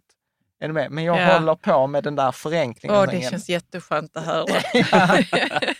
Bra, ska vi ta riskklass 3? Nej, men det, är ganska enkelt. Ja, Vi- det är hög risk. Det är hög risk och Ja. det, det är high yield som, som, vi, som vi sa. Och där har vi liksom indexfonderna. Där Ja. har vi liksom blue chips aktier, alltså Typ vanliga. Investor, till Exakt. exempel investmentbolag. Alltså, Och om, fast jag säger att jag har inte någon gång liksom ägt enskilda aktier eller fast jag säger att jag rekommenderar indexfonder. Jag tycker att det är helt okej att ha en, liksom, en diversifierad aktieportfölj i Mm. denna del också. Ja. För att liksom, särskilt om de är, de är liksom bra bolag som man Mm. äger. Men kan man säga det också, så här, jag brukar ibland säga att detta är ju den delen i, Mm. i, i strategin som ska stå för tillväxten, som ska Exakt. tjäna pengarna. De andra två delarna ska Mm. bevara, lågriskdelen ska Yes. bevara pengarna och trygga pengar ska göra min vardag. Det är pengarna jag Mm. kan använda till liksom när något händer eller till konsumtion. Och här vill vi ha liksom ganska tråkiga, vanliga aktier och indexfonder och, och Ja. sånt. Och för att liksom den största risken eller risk, riskfaktorn som vi har här borde vara liksom systematisk risk, marknadsrisk. Mm. Inte, inte särskilt liksom det som händer i ett land eller Mm. ett, Mm. eh, en bransch eller något sånt. Exakt, Ja. exakt. Så, ja, men där, så här, köp hela höstacken. Eh, grej, liksom. Exakt. Och kan vi säga redan nu att liksom de, de här klasserna, Mm. en, två, tre, de, de räcker till. Ja. Liksom, allt liksom, utanför detta är, är liksom bara kryddor. Ja. Ja. eller lekhink eller spekulation. Ja. Men ska vi ta de sista två då? Mycket hög risk. Ja. Ja, där har vi till exempel små bolag, small caps. Mm. Och liksom, och om, vi, vi inte rekommenderar med bransch, branschfonder eller några nischfonder, men sådana kan, kan man ha. Eh, och, eh, Jag skulle säga typ också sånt här, typ faktorfonder. Exakt. Eh, Eller, eh, eller liksom den, den typen. Sverige, Sverigefond, alltså en specifik Sverigefond. microcap Sverige, Ja, liksom. sådana såna Ja. fonder. Ja. Och, och, och samtidigt, när, nu när vi har hamnat i, i denna klass, så man borde ha en ganska liten Ja. andel av dessa i en, i en portfölj. Mm. Och här har vi liksom, äh, bredvid den där systematiska risken, har vi också lite ökad osystematisk risk, eller till och med politisk risk. Mm. För att liksom, man kan också ha tillväxtmarknader här. Exakt. Och där har vi faktiskt en fråga om tillväxtmarknader. Ja, men precis. Jag ska bara kolla först, hänger du med på denna Ja. skillnad på systematisk och systematisk? Mm, mm. Eh, och du är ju, eh, vi hade ju en fråga Mm. kring det där med, eh, med eh, tillväxtmarknader. Yes. För du är ju jurist, du gillar ju det här rule of law. Mm. Så kan du inte bara ge kort din syn på tillväxtmarknader till exempel? Ja, jag fattar att det, det finns väldigt mycket potential där. Att liksom, och det, det, det är mycket tillväxt när det, det gäller befolkningen och när det gäller liksom ekonomi. Men samtidigt jag, är jag är lite tveksam för att just av, för det där rule of law, att, alltså det menar att, att äh, demokrati och demokrati, äh, det, det, det, det som Det skaver lite. Exakt, och, och det, integritet och, och eh, transparency och sådana grejer, compliance, de, de, de, de är inte, inte så bra där. De är där inte på plats li- Nej, ordentligt, inte- inte. kanske i vissa länder Nej, för, det, för, det, för vi pratar om, alltså, så här, det är bara så här, Brasilien, Ryssland, Mm. Indien, Kina. Exakt, Eh, Ja, och alltså, vissa afrikanska Ja, länder antar jag, där man liksom, också ja. går in och investerar. i. Ja. exakt. Och för mig är det ganska hårt att liksom, liksom skicka pengar till de länderna och, liksom, och sådana, sådana ekonomier. Och sen tycker jag det kan också vara lite oför, förutsa- förutsägbart när det gäller deras valuta. Ja. Och, därför jag, gillar jag inte så mycket tillväxtmarknader. Jag ser potentialen men man måste fatta att det, det, det, det är Men mycket risk också. Jag gillar ju det du säger, det ingår inte i basen. För Mm. att vi kommer, vi kommer återkomma till det. Yes. Och sen kan vi ta den sista då, som är liksom spekulativa eller det högsta trappsteget. Och spekulativa eller ej investerbara Mm. eh, investeringar. Så har du skrivit krypto, enskilda råvaror, meme stocks, penny stocks, eh, ej startups, Mm. cannabisaktier, fixa en sväng här. Va? Det går så bra för cannabis. Jag vet Det inte, det gick ja, ju jag ett vet tag, inte det bra. Det kanske inte går bra. Ja, jag, det jag, jag vet att det är lite kontroversiellt att jag har också guld där. Ja, det skippade jag, märkte du? Det var med flit. Men eh, liksom, ofta är det inget liksom, fundamentalt värde i, i sådana investeringar. Det är bara liksom min motivation. Och Ja. jag, liksom, om man vill ha dem så är det lite, lite, lite andel. Ja. Men liksom, ja, Lekhinken. ja, jag, jag skippar dem. Ja. Men, men jag gillar detta för att, eh, liksom då, för då hade vi bara för att repetera, att vi hade ju det här eh, risktoleransfrågorna, riskkapacitetsfrågorna, då fick vi en riskbudget. Då fick vi liksom, okej, hur eh, mycket ska jag ha då i risk? Och den Ja. kommer även fördela hur mycket ska du ha i de här olika klasserna. Mm. Då den här klass 1, 2, 3, 4 och 5. Och där vet jag också att när du var med på Fika tillsammans så Mm. pratade du om, vi pratade om Susanne Zibinski, eller hur hon nu talar namnet. Men hon pratar om eh, att, man ska, att man har tre delar eh, i, i sin portfölj. Att man har en core, building och limited. Exakt. Vill du säga någonting mer om det? Uh, absolut. Och jag, jag, tror- jag tror vi faktiskt, faktiskt rörde på detta och, redan, men, men eh, det är just riskklasserna 1 till 3 som är de liksom core Ja. investeringar. Alltså, de räcker till. Man kan bygga en good enough portfölj Med de tre. med de tre. Precis, så, så att man ska ha liksom mellan 70 och 100 procent Mm. av sin totala liksom, finansiella tillgångar, alltså exklusive hus eh, och, Mm. och bundna tillgångar, så kan man ha så 70 till 100 procent av sina pengar i core, som är då eh, bankkonto, trygg räntefond, aktieindexfond. It's good enough. Exakt. Ja. Och vill man inte ha då de här core, ja då kan man ha building blocks. Exakt, och där har vi mest riskklass 4. Ja. Och, och då kan det vara liksom, lite small caps. Och det har varit mycket diskussion om home, home bias, alltså hur mycket borde ni svenskar ha i svenska aktier och, och sånt. Och eh, ja, men, men man kan ha en liten del, men, men, men, men dessa investeringar är inte sådana som liksom borde vara 50 procent eller Nej. 60 procent av, av din portfölj. Nej, så hon säger 0 till 30 procent. Ja. Så om core är 70 till 100 procent av din portfölj, building block 0 till 30 procent. Mm. Och sen limited eh, 0 till 10. Exakt. Och det, och det blir ju de här spekulativa, spekulativa exakt. Men det här Susan Sibinski, är det någon som då har inspirerat dig när du har tänkt ut det här eller är det, var kommer det ifrån? Ja, eh, hon jobbar på Morningstar. Morningstar. Ja, okej. Mm. Och jag, jag, jag lyssnade på, på henne på många gånger på, i, i, i andra poddar och liksom, jag, jag tror att hon har fantastiska liksom, tankar om investerande. Och, Mm. Ja, kul. Och, och Mm. de tar ju också detta liksom lite större, Mm. större Ja. perspektivet. Ja. Men du, vi, vi, du bara så här eh, touchade home bias. Hur ser, hur, ser, hur ser du på home bias? Har du 20 procent eh, Finland? Uh, nej, det tror jag inte. Hur, hur, hur, ser, hur, ser du på, hur ser du på home bias då? ja, jag tror att mm, vi, vi, bor ju i fantastiska länder. Ja. Jag, liksom, jag, jag gillar Norden. Uh, och jag, jag har ganska mycket. En, en, en av mina building blocks är ab, absolut Norden Ja. och nordiska uh, småbolag Ja. särskilt.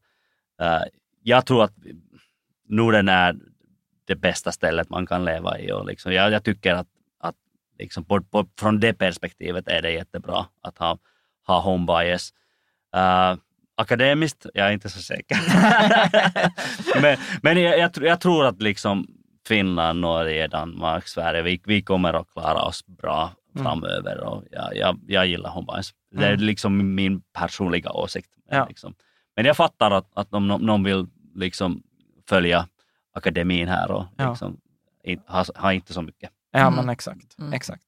Eh, bra. Så att, är, är, är så, Mm. så att med de här så Mm. kan man säga liksom, få till en bra portfölj. Ja, jag har varit med länge. Du, Karo, Karo är sån här nytt fan där Karo har inte sett den här nej, men det är två. för också för att jag har, ogillar när det är komplext och, och mycket. Och jag, vill, ge- jag vill att det ska vara enkelt i ekonomin. Ja, ja, men absolut, absolut. Du, jag tänker också så här, vi ska snart börja runda av här, men jag tänker att eh, du skrev ju också någonting så här, det finska sättet. när det gäller ombalansering. eller? Ja, okej, okej. Ja, Eh, berätta, berätta, för du, har ändå skrivit ganska mycket om ombalansering. Mm. Där du har skrivit så här, ombalansering är viktigt men inte religiöst. Ja. Tidsbunden ombalansering, ombalansering när portföljen har glidit, ombalansering när man tar ut eh, eller sätter in Mm. pengar. Så kan du inte säga, säga någonting mer om det? Ja, men, först och främst, jag tycker att det är jätteviktigt att ombalansera. Men, Ja. men som jag sa, det, Och, och, och vad menas med ombalansering? Att vi skiftar här, om till exempel riskklass 3, aktierna har Ja. stuckit iväg jättemycket, Exakt. så byter jag tillbaka till den jag fick Karo har min nu det där 60-40 och Ja. liksom, Ja, plötsligt har har jag. gått Mm. 66 30 34. 34. Ja. Ja. Och då kan det vara dags att ta, ta risk tillbaks till 60-40. Och då, då ska du sälja lite aktier då, för att det har förmo förmodligen gått jättebra med aktier. Så, Mm. så, så säljer man aktier och, och liksom tar, tar risk tillbaka till 60-40. Men vad jag menar här, det kan också vara att liksom, uh, jag, ha, jag kan ha andra sätt att göra det också. Mm. Liksom att, uh, okej, vill du köpa något? Okej, så, ta- så tar du pengar från aktiedelen och du ombalanserar liksom på det sättet. Eller du ombalanserar till s- 63, 37 eller något sånt. Alltså det är liksom momentum en balansering för att det går bra med aktier så låt det gå bra. Och, Mm. Och sen har jag pratat också om det finska sättet. Ja, liksom. Och uh, beskattning är, är helt annorlunda i Finland. Mm. Och liksom, vi vill liksom äga jättelångsiktigt och ombalansering är lite, lite pro- problematiskt i Finland med, med tanke på beskattning. Och, och i Finland säger många att om du vill ha 60-40 portfölj, spara 50-50. Mm. För att någon dag ska, det, ska den bli 60, 60-40 och du, du, du betalar inga onödiga skatter. Mhm. För att, vi, vi måste inte betala någon ISK-skatt för att, bara att, för att vi äger vå- våra fonder, utan vi betalar skatt när vi säljer Ja. och om det har blivit vinster. Och, uh, Men har inte ni något sånt här också att om man äger i tio år Yes. så får ni lägre Yes. skatt? så, ja. så är det liksom fast beskattning Oavsett hur mycket for då. good. Ja. Ja. Exakt. Och, uh, Det är det jag säger, alltså Finland, det är som Sverige fast för vuxna. ja, det var någon som sa det genialiska. ja, exakt. Men också om du har 50-50 så du kan använda den här räntedelen om du behöver pengar. Liksom. Ja. Ja, och jag tycker också att det, det är att nu, nu, nu månadssparar du och du har det där 60-40 som har gått till 66 äh, 34. Då kan det vara dags att liksom köpa ni, dina nya månadsinsatser. 40-60 eller 50-50 eller Mm. 30-70 eller något sånt. Precis, Alltså, att jag kan, jag kan balansera det Exakt. genom när jag månadssparar eller när jag Ja. sätter in nya pengar. exakt. Mm.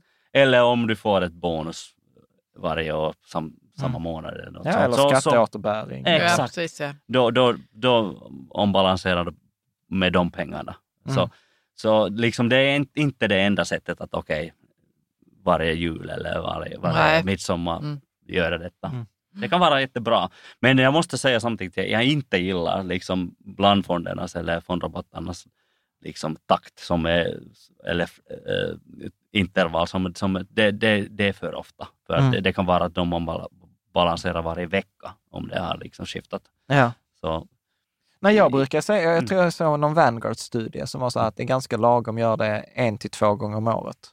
Ja. Att det, det blir liksom inte så Jag tror mycket. att sweet spoten var faktiskt 18 månader. Något Ja. sånt. Ja. Ja. Det var också... Vanguard, ja. Ja. Precis, precis. Mm. Snyggt! Karo, hänger du med?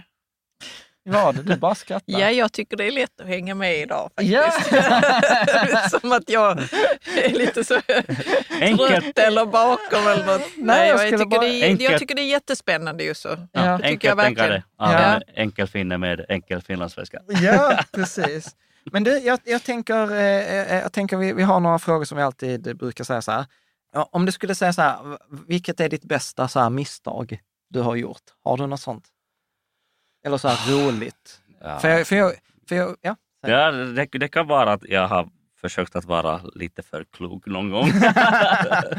Precis, den här eh, manliga övertron på egen förmåga. Exakt, och det kan, det, det kan ha något att göra med råvaror. Ja. Råvaror till och med. Ja, fast, ja, förlåt. Ja, jag, jag, jag, jag gillar det, det där tanken om att jag, jag är för min egen förmögenhetsförvaltare. Men det, det kan ju vara att jag försökte att vara en hedgeförvaltare också ett tag. jag tror att det, det är mitt största. Ja. Alltså, jag vet, detta, detta vet jag inte om det är sant. Detta är en historia som jag har hört i, i finansbranschen. Mm. Att det finns ju vissa så här råvaruinstrument som egentligen inte är till för investerare, utan de är till för företag som ska köpa råvaror. Jag vet inte om det är Mm. terminer eller Ja. nå- något sånt här. Men då vet jag att det var någon som satt på en sån här firma och sen en dag så fick han ett telefonsamtal och så i andra länder nu så, så heter det så här, hej, jag, jag heter det och det, jag jobbar på i hamnen i New York och du har, du har liksom här 25 vagnar koppar. Vart vill du att vi ska ställa dem? och det var liksom så här paniken, för du vet han hade köpt det, så hade han glömt bort dem. Och så blev det leverans Ja. på de här terminerna. Så han var så här, Ja, det måste vara så dyrt Ja, du vet, liksom, han dem så här, shit, jag, sitter, jag sitter med 25 tågvagnar, koppar eller vad det nu var, Mm. i New Yorks hamn. Då tänker jag på så här, då har man en dålig dag på jobbet. Jag tror att han glömde att rulla futurer. Ja, så kan, så kan det vara. Så kan det vara. Eh, du, just så här, eh, också en fråga vi brukar ställa till folk. Så här, eh, sämsta rådet i finansbranschen. Vad är det sämsta du har hört eller Ja, det- läst? Jag borde ha förberett mig för denna fråga. Men jag tror det är liksom det här tradingkurser liksom, Ja. som, som några banker liksom marknadsför. Att, liksom. Pelle gjorde 8000 spänn i en månad, nu är det dags för dig också. Ja, ja. ja, jag, jag tror att det funkar inte. Ja. Liksom. Och, och sen tycker jag också att liksom, en ganska vanlig grej här i Norden är att, liksom, att man, måste, man måste äga sitt boende. Att det, det är liksom bästa investeringen man kan göra. Jag, jag tycker det är också något som jag... Konstigt. Eh, Har ni det i Finland också? Ja, lite grann. Ja, ja, Är det så? ja, Ja. ja, det. Och jag, liksom, jag är inte alls, alls säker på det. Nej. liksom. det. Det kan finnas, finnas också andra sätt. Att Ja. Ja, men det där är roligt. Vi hade ju en, eh, vi har avsnitt 106 och 107 för dig som Mm. inte har lyssnat på det. Då hade vi eh, vdn för en, eh, en fastighetsförmedlare Yes. som var så här, nu har jag slutat som vd, så nu vill jag komma till er. Jag var bara så här, Prata ut. och prata Ja. ut. Och det var jättebra. Och han, det var en av hans poänger var ju det här Mm. Att hyresrätt är ett underskattat lyxboende. Yes, jag håller med. Eh, och jag har ju också sagt det så att när Mm. barnen växer upp, det är väl inte helt orimligt att vi skulle eh, hamna i en hyresrätt. Plus jag såg Nick Maggiuli, som Mm. jag tror vi följer, han bor också i hyresrätt. Yes. Eh, så att, Men vi kan också knyta åter till Ramizeti Mm. som Ja, på sistone då på sin Instagram har pratat mycket om att det är, går jättebra att hyra sitt boende. Det kan till och med vara väldigt fördelaktigt ekonomiskt. Exakt. Liksom. För Mm. att det finns en grej som vi ofta glömmer när vi pratar om hus ja, och det är saneringsskuld. ja. Den kommer alltid. Sä- Säg, säg Vad sä- någonting. ja, vad är det för något? För att liksom om 20 år är varje hus, man måste sanera det. Liksom, äh, när vi tänker på 70-talet, 80-talet, 90-talet, det, det har hela tiden funnits material eller strukturer som är inte hållbara. Ja. Och man måste liksom Göra byta om. dem, göra dem, om dem. Och jag, jag tror att det kommer hända med, med hus som är från 20 2000-talet också. Ja. Och Ja, det säkert, är ja. dyrt. Mm. Och nu finns det många liksom lite äldre människor i Finland och i Sverige som har sina gamla fina hus med mycket saneringsskuld. Ja. Liksom, Vi ska faktiskt prata om det. Vi ska göra ett, eh, förmodligen ett avsnitt med ett företag Mm. där vi ska prata om den här EU-lagstiftningen som ska komma. Att Mm. fram till 2050 så ska alla husägare eh, öka energiklasserna på sina hus. yes. Det är inte Mhm. bestämt Mm. än, men det, alltså det, det, Det kan känns bli också- dyrt. Ja, det Yes. känns som det kan bli dyrt. ja. Ja. Eh, liksom, så att, men jag kan inte så mycket om det, så vi ska bjuda Mm. in. Just det, vi har pratat en och en halv timme. Shit, alltså detta var helt fantastiskt. Det tycker jag också. Ja, Ja. Tack för att eh, du har tagit dig från Finland och hälsar på oss Ja, här. det- det var jätteskoj. Ja, och Vilken ära! Ja, det, det är äran. Det var jättekul äran, att ha dig här. Äran är Tack. vår. Och tack för att du hänger i forumet och tack för alla dina bidrag. Och eh, jag ska verkligen ta med mig det här att förmögenhetsförvaltare är egentligen mycket, mycket bättre än investerare. Så Ja. Tack så mycket. Grymt. Grymt. Ja. Tack. Tackar! Må då! Så det var intervjun med Jusso. Som jag uppskattar den jättemycket. Vad, vad tänker du? Ja, men jag uppskattar också den jättemycket och jag tyckte om det här. Vi har ju varit inne på det nu i ett föregående avsnitt, det här med enkelhet i ekonomin. Ja, ett förenklat. förenklat. Förenkla sin ekonomi och vad man egentligen behöver. Och här, är- här knyter vi an till det Ja. väldigt bra. Jag tycker Jusso knyter an till det jättebra. Ja. Mm. Nej, men jag gillar, det jag gillar också, att det behöver inte vara ett alternativ att det är fyra hinkar-principen eller hans eh, förhållningssätt, eller den här total return risk approach, eller total risk return approach. Men alltså att för det ger ungefär samma resultat. Att det är liksom olika vägar eh, leder fram till ungefär samma resultat. Så man kan liksom börja tänka fyra hinkar-principen och sen slå ihop alla hinkarna och se vad det blir. Eller så kan man använda hans liksom, metodik och den här Excel-filen som finns eh, i, i beskrivningen. Och eh, ja, men det, det gillar jag. Och sen gillar jag många av de här, hans tankar också. Att hålla det enkelt. Eh, målet är att ha stressfritt eh, liv. Målet är att ha ett, ha ett rikt liv och, och på det sättet. Så att, ja, men, ja, men jag gillar det. Jag gillar det tänkvärt. Och sen är det alltid extra roligt att intervjua folk från communityn. Alltså Mm. människor som annars inte är med på Mm. podd. Alltså så här, eh, som har tänkt, som har funderat, som har gjort en resa. Och jag tror att det kommer komma lite fler sådana avsnitt framgent Mm. faktiskt. Snyggt! Eh, naturligtvis, jag vill eh, säga ett stort tack till dig på Patreon som gör den här typen av avsnitt möjliga, där vi kan bjuda in gäster, vi kan prata om andra saker eh, lite annorlunda, få liksom en inblick i andras privatekonomiska liv. Eh, för dig som lyssnar, så ett, eh, om du vill så här, lyssna vidare, vad är nästa steg? Då tror jag faktiskt, om du inte har lyssnat på, då tror jag blir avsnitt eh, 323, allt du behöver veta om privatekonomi, eller 324 tror jag att det är faktiskt. Och så avsnitt 324, allt du behöver veta om en privatekonomi. Sen är avsnitt 99, eller då 263 som är ominspelningen av 99 som handlar om att kom igång med ditt sparande, där vi pratar mycket om detta aktieindexfonder. Eh, och sen kan det faktiskt också vara eh, en idé att lyssna på det här avsnittet som vi har om räntor, som eh, där också finns en länk i, i beskrivningen till. Så jag skulle säga att det är väl de tre avsnitten eh, som man kan lyssna på och rent konkret testa den här eh, Google Sheets eller Excel-filen. Var som en kul grej och skriv gärna en kommentar i forumet för att precis som vanligt, det är i forumet det händer efter avsnitten. Det är där kommentarerna finns. Det är där Jusso kommer finnas och han har lovat svara lite på kommentarer. Så ett, eh, ett fantastiskt stort tack och så ses vi eh, nästa vecka igen.